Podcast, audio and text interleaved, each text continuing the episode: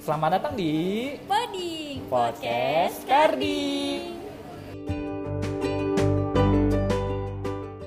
Halo Abi Praya 2020 Selamat datang di episode 3 Podcast Karding Di episode 3 ini kita kedatangan tamu ada Kang Kisti Rashid. Wah seru banget tuh kayaknya Kira-kira kalau tamunya Kang Kisti Rashid Kita bakal ngobrolin apa ya? Nah, bakal ngomongin apa? Pasti seru banget nih, makanya kita langsung dengerin aja yuk.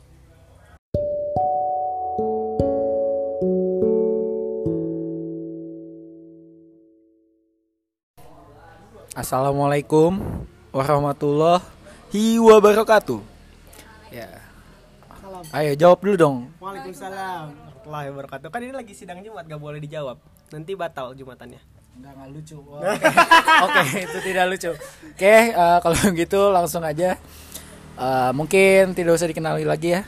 Bersama saya kembali Renaldianto Bimasya. Kali ini kita kedatangan tamu yang cukup spesial. Katanya mah. Cuma menurut saya sih biasa aja ya. Eh, jadi oke langsung saya silakan. Perkenalkan saya Kisti Muhammad Rashid, announcer favorite kalian. Perkenalkan nama saya Laras Kidung Salam kenal semuanya Iya, salam kenal kawan-kawan semua. Kenapa, Pak Rashid? Semangat. Iya, ini semangat ini, ini semangat. Kalau begitu, mau nanya dulu nih, Kang Rashid. Buat Kang Rashid dan Teh Laras ini mau ngapain dulu di sini? Rencana awal ngopi sih. Iya mau ngopi. Iya. Teh Laras mau ngapain? Disuruh rapat sama Rashid ke sini Eh tahunya di beginian Jadi semuanya tergocek ya. Kalau gitu kita pengen nanya-nanya sedikit nih ke Kang Rashid sama Teh Laras terkait dengan himpunan. Waduh rame ya di sini ya. Eh, tapi nggak apa-apa. Terkait dengan himpunan nih Kang Rashid dan Teh Laras. Soalnya kan kita, sebagai yang kita tahu ya, Kang Rashid ini sebagai ketua himpunan administrasi pemerintahan. Nggak usah tepuk tangan sendiri ya nggak apa-apa. Dan juga Telaras ini sebagai wakil ketua himpunan administrasi pemerintahan. Nah langsung aja. Yang pertama, himpunan buat Kang Rashid ini apa sih? Himpunan tuh aduh pertanyaan pertama langsung berat banget ya. Himpunan tuh rumah menurut aku. Rumah untuk masyarakat khususnya ya, khususnya administrasi pemerintahan karena himpunan rumah himpunan itu eh, tempat di mana menjadi wadah bagi mahasiswa Atpem untuk mengembangkan minat bakatnya baik akademik maupun non akademik gitu. Coba kalau dari Telaras? Bener sih kata Rashid eh, tadi tuh boleh himpunan sama. sebagai rumah nih. Aku jelasin lagi. Himpunan itu kan secara harfiah perkumpulan gitu. Di mana di sini tuh tempat berkumpulnya anak Atpem dan di sini tuh kita nggak cuman menaungi dan cuman tempat berkumpul doang, tapi di sini kita juga memberikan sebuah wadah bagi anak Atpem itu untuk berprestasi baik dari akademik maupun non akademik. Seperti itu sih, Kang. Oke, terima kasih ya Kang Rashid dan Teh Laras. Tapi iya Teh Laras. Laras. Oke, oke, oke. Kalau begitu tadi kan seperti yang udah dijelasin sama Kang Rashid dan Teh Laras bahwa himpunan itu sebagai rumah lah. Nah, sekarang himpunan itu penting gak sih buat ada di jurusan karena tanpa himpunan juga jurusan sebenarnya bisa jalan-jalan aja kan. Iya sih benar himpunan pasti eh himpunan jurusan pasti jalan-jalan aja soalnya tapi paling cuma bidang akademiknya doang kayak kuliah kuliah kuliah kuliah kuliah nah, tanpa ada himpunan nanti him- eh, jurusannya jadi kurang berwarna nggak ada kegiatan di luar kegiatan akademik Kan gitu ada BEM. Kan ada BEM, ada wadah lain. Kenapa harus ada himpunan? Gini loh Kang, eh, kalau dari himpunan tuh kita lebih dekat gitu langsung terjun ke anak-anaknya. Jadi kita lebih bisa lebih fokus ke anak-anak di jurusan kita sendiri. Jadi mereka nggak, maksudnya nggak perlu takut gitu kalau misalnya di BEM kan ada porsinya nih buat jurusan apa jurusan apa. Tapi kalau hima dari Atpem sendiri kita menaungi langsung ke jurusan kita kayak gitu. Oh, Oke, ngerti ngerti. Jadi intinya himpunan ini penting ya, soalnya biar lebih deket lah sama anak-anak jurusannya sendiri. Eh, mau nanya juga dong, kan berarti Kang Rashid ini jadi kahim ya, dan Telars ini jadi wakahim. Sebelumnya pengen tahu dong, kok mau sih jadi kahim sama wakahim?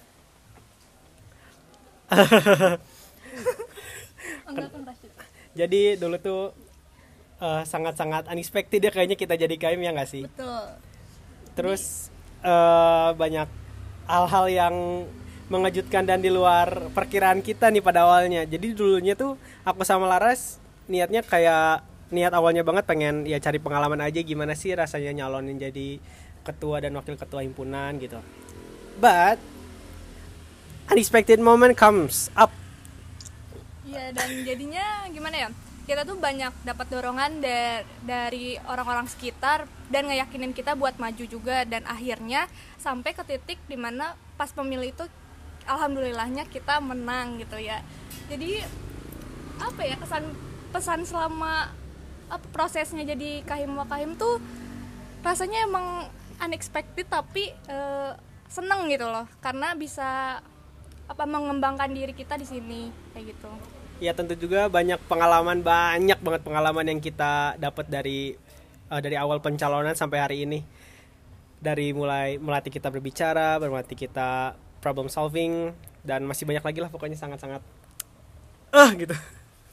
Eh, Oke, keren juga ya. Eh, berarti kan tadi kan Kang Rashid dan Telaras ini bilang bahwa banyak dorongan untuk kalian untuk pada akhirnya menjadi kahim wakahim ya. Tapi sebenarnya ada nggak sih dari di, dari diri kalian itu ambisi untuk menjadi kahim atau wakahim? pada awalnya sih jujur ya pada awalnya belum ada sih ambisi ambisi ambisi tertentu untuk mengejar suatu jabatan awalnya enggak tapi karena kita udah naik juga jadi ya kita pengen memberikan yang terbaik lah pokoknya untuk administrasi pemerintahan kalau sekarang Kalau dari aku sih emang sama juga. Sebenarnya aku nggak pernah ada ambisi buat jadi wakahim, cuman aku punya ambisi untuk mengembangkan diri aku sendiri dan nge-challenge diri sendiri gitu. Dan sampai akhirnya aku dipertemukan sama Rashid. Jadi eh, challenge itu tuh kita lakukan bareng-bareng dan jadi sebuah tantangan dan kita pengen banget gitu ngeberikan yang terbaik buat teman-teman administrasi pemerintahan. Setuju.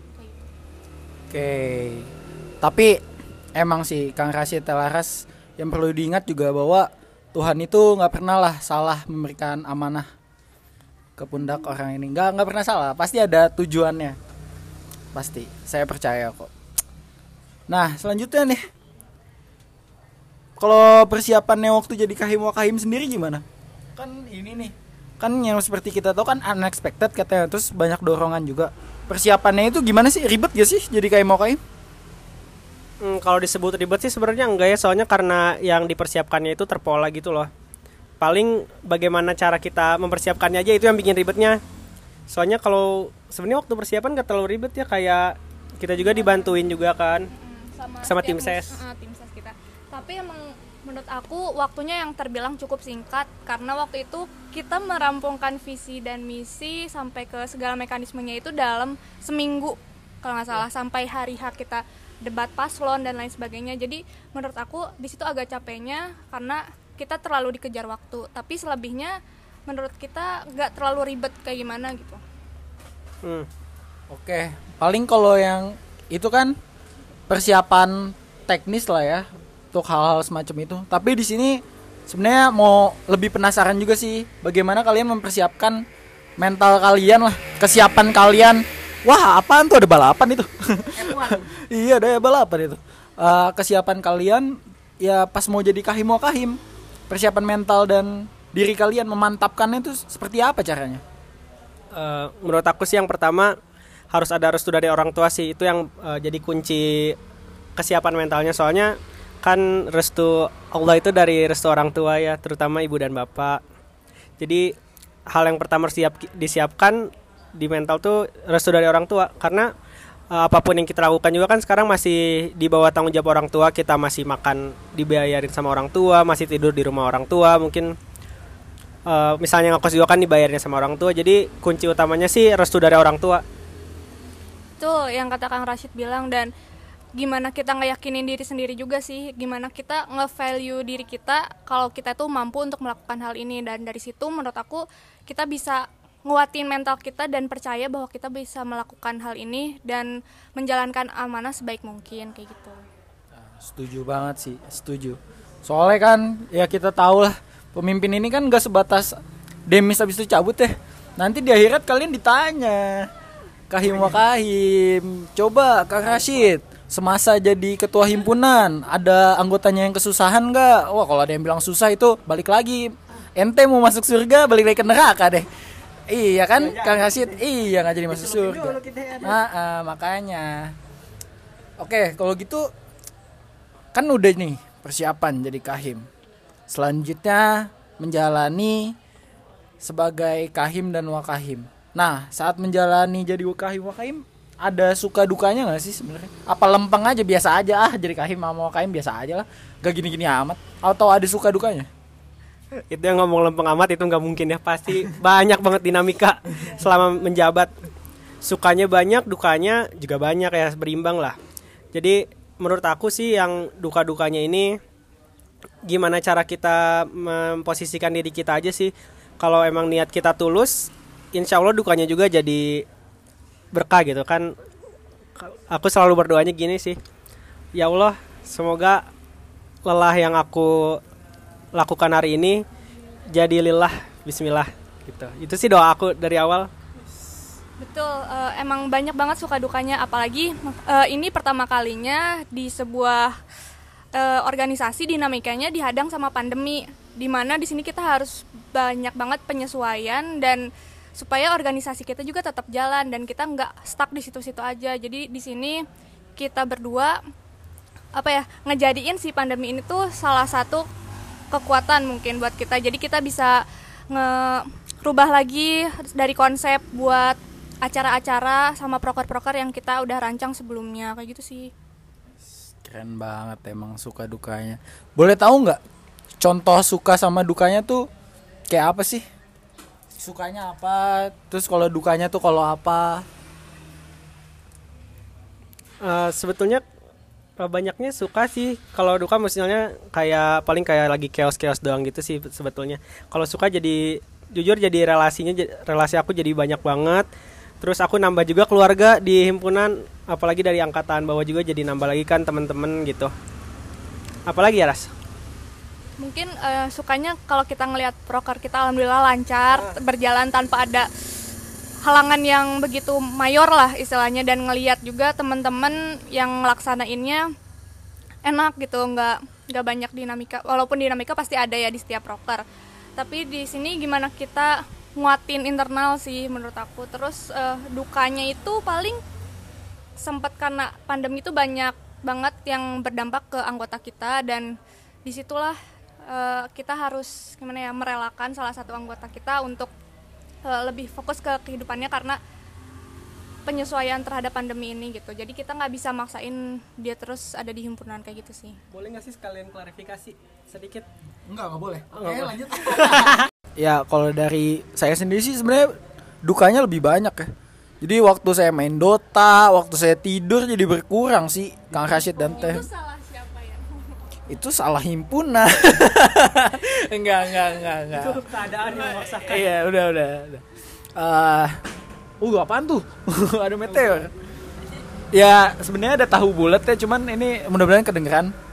Eh, jadi gini, Kang Rashid dan Telaras mau nanya juga dong. Tadi kan kita udah ke suka duka. Sekarang Kang Rashid sama Telaras ini sebenarnya ada nggak sih privilege yang kalian dapat untuk jadi kahim wakahim? Eh, eh, banyak.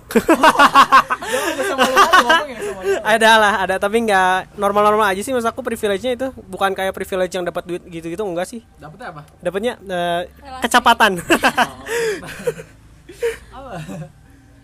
Relasi pertama ya jadi lebih dikenal dosen dikenal sama tendik sama madam sama pak Tendik kapan tendik? tenaga pendidik. Sama staff prodi sama orang-orang SBA kalau ngurus-ngurus sesuatu kadang-kadang SBA? Apa sih SBA SBA apa? aduh lupa sih tadi apa demi Allah. Ya pokoknya SBA itu tempat ngurus-ngurus surat-surat. Akademik kayak gitu. Iya akademik. Nah terus apa lagi ya? Nah, kadang-kadang kan kalau aduh aduh aku nggak akan cerita ini deh. Nanti aja laras aja dulu. Sama sih kayak Rashid tapi mungkin kayaknya Rashid lebih di ini soalnya dia yang lebih banyak eh, hubungan eksternal gitu. Jadi Rashid yang lebih banyak dikenal apalagi sama dosen kayak gitu-gitu. Jadi privilege-nya lebih kerasa mungkin walaupun ya emang eh, relasi pasti nambah gitu kalau jadi kahim kahim iya kalau detail rela kalau detail benefit uh, privilege nggak akan aku ceritain sih tapi ya alhamdulillah lah Iya. Biarin nanti yang mau jadi kahimai merasakan sendiri ya. biar Iya. jadi kejutan Iya, biar jadi kejutan. Oke. Kalau misalkan Kang Rashid, Telaras punya tips gak sih buat masuk hima tuh harus gimana? Harus gimana gimananya? Apa misalkan nih tips masuk hima harus punya orang dalam. Nah, biasa kayak gitu. Gimana tuh Kang? Kalau aku sih yang pertama eh, jujur aku ngelihat tata krama, ngelihat kesopanan, ngelihat bagaimana cara cara dia menyusun kata-kata yang maksudnya eh, misalnya sensitif tetap enak buat dibicarakan. Terus gimana cara dia bisa eh, problem solving? Kan kita juga ngambil apa kayak case gitu, gimana cara dia buat menyelesaikannya gitu sih kalau aku. Kalau terus gimana? Tata boga enggak? Haha, tata usaha kali. Bisa dilanjutin udah, nggak? Kalau dari aku sih eh, lebih ngelihat cara mereka nge-branding dirinya sendiri. Waduh, ada topan kayaknya. Terus eh, cara mereka ngehargain dirinya sendiri ketika mereka wawancara gitu dengan cara mereka misalnya nggak ketawa-ketawa pas lagi wawancara maksudnya dibawa santai tapi enak gitu, serius gitu. Sersan gitu, serius tapi Hmm, santai. Betul.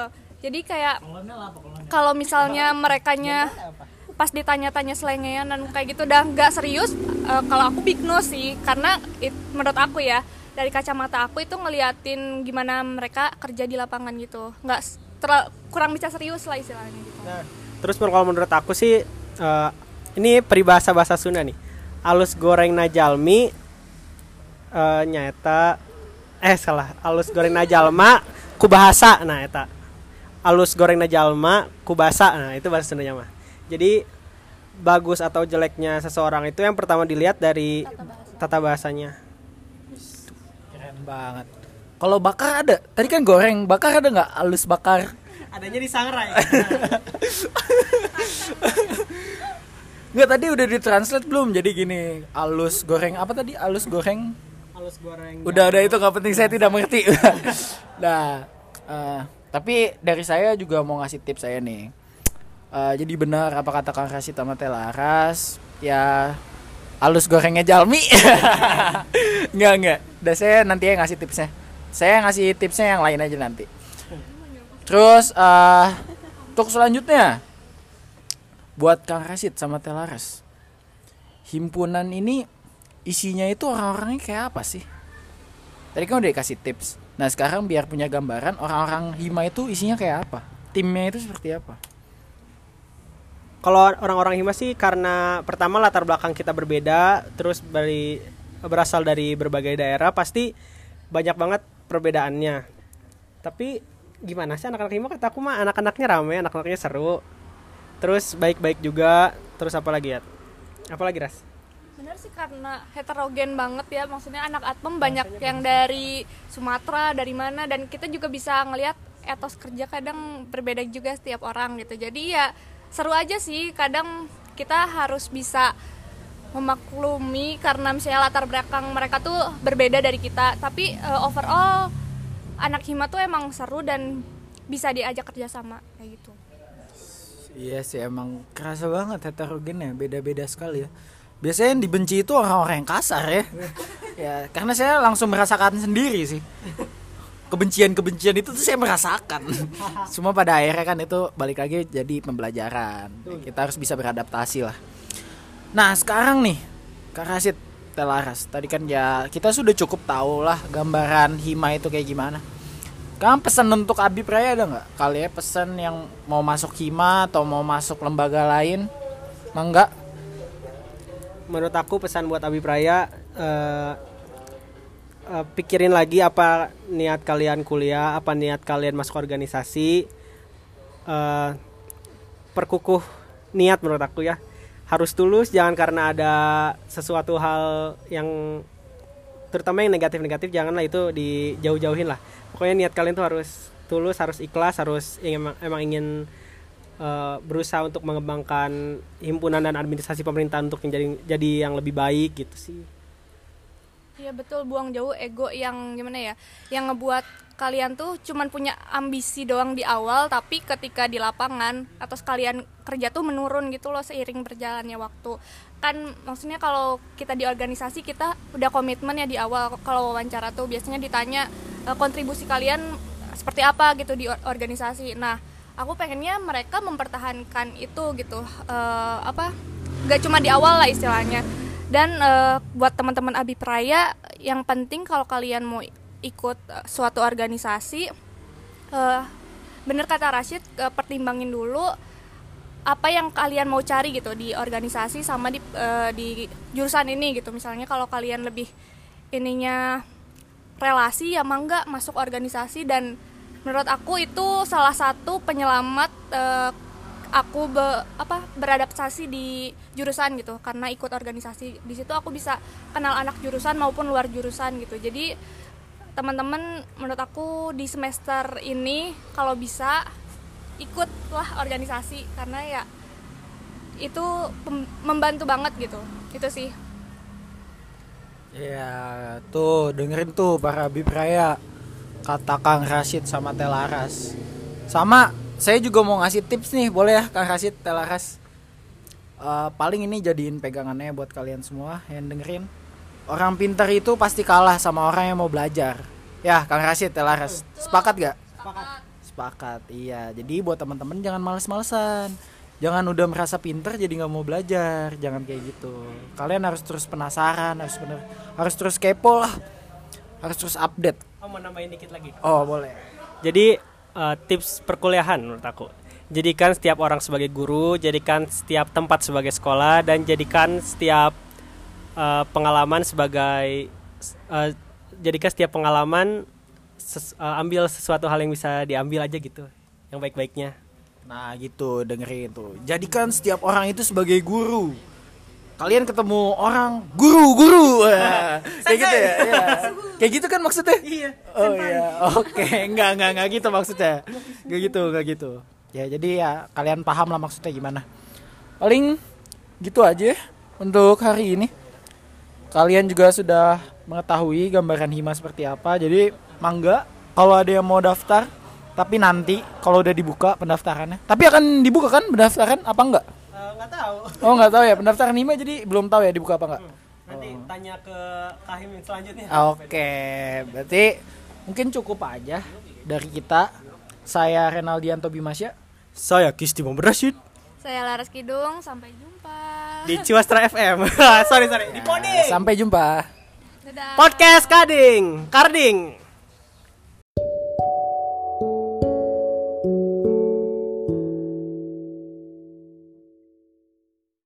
Nah, Abi Praya, kan tadi udah disampaikan tuh sama Kang Rashid dan Teh Laras dan Kang Bimasya juga tips dan trik masuk hima. Kalian harus benar-benar pertimbangin, pikirin untuk apa kalian masuk hima, jangan mau enak-enaknya doang. Kerja kalian harus tulus, harus ikhlas. Bener gak, Kang Baju Ai?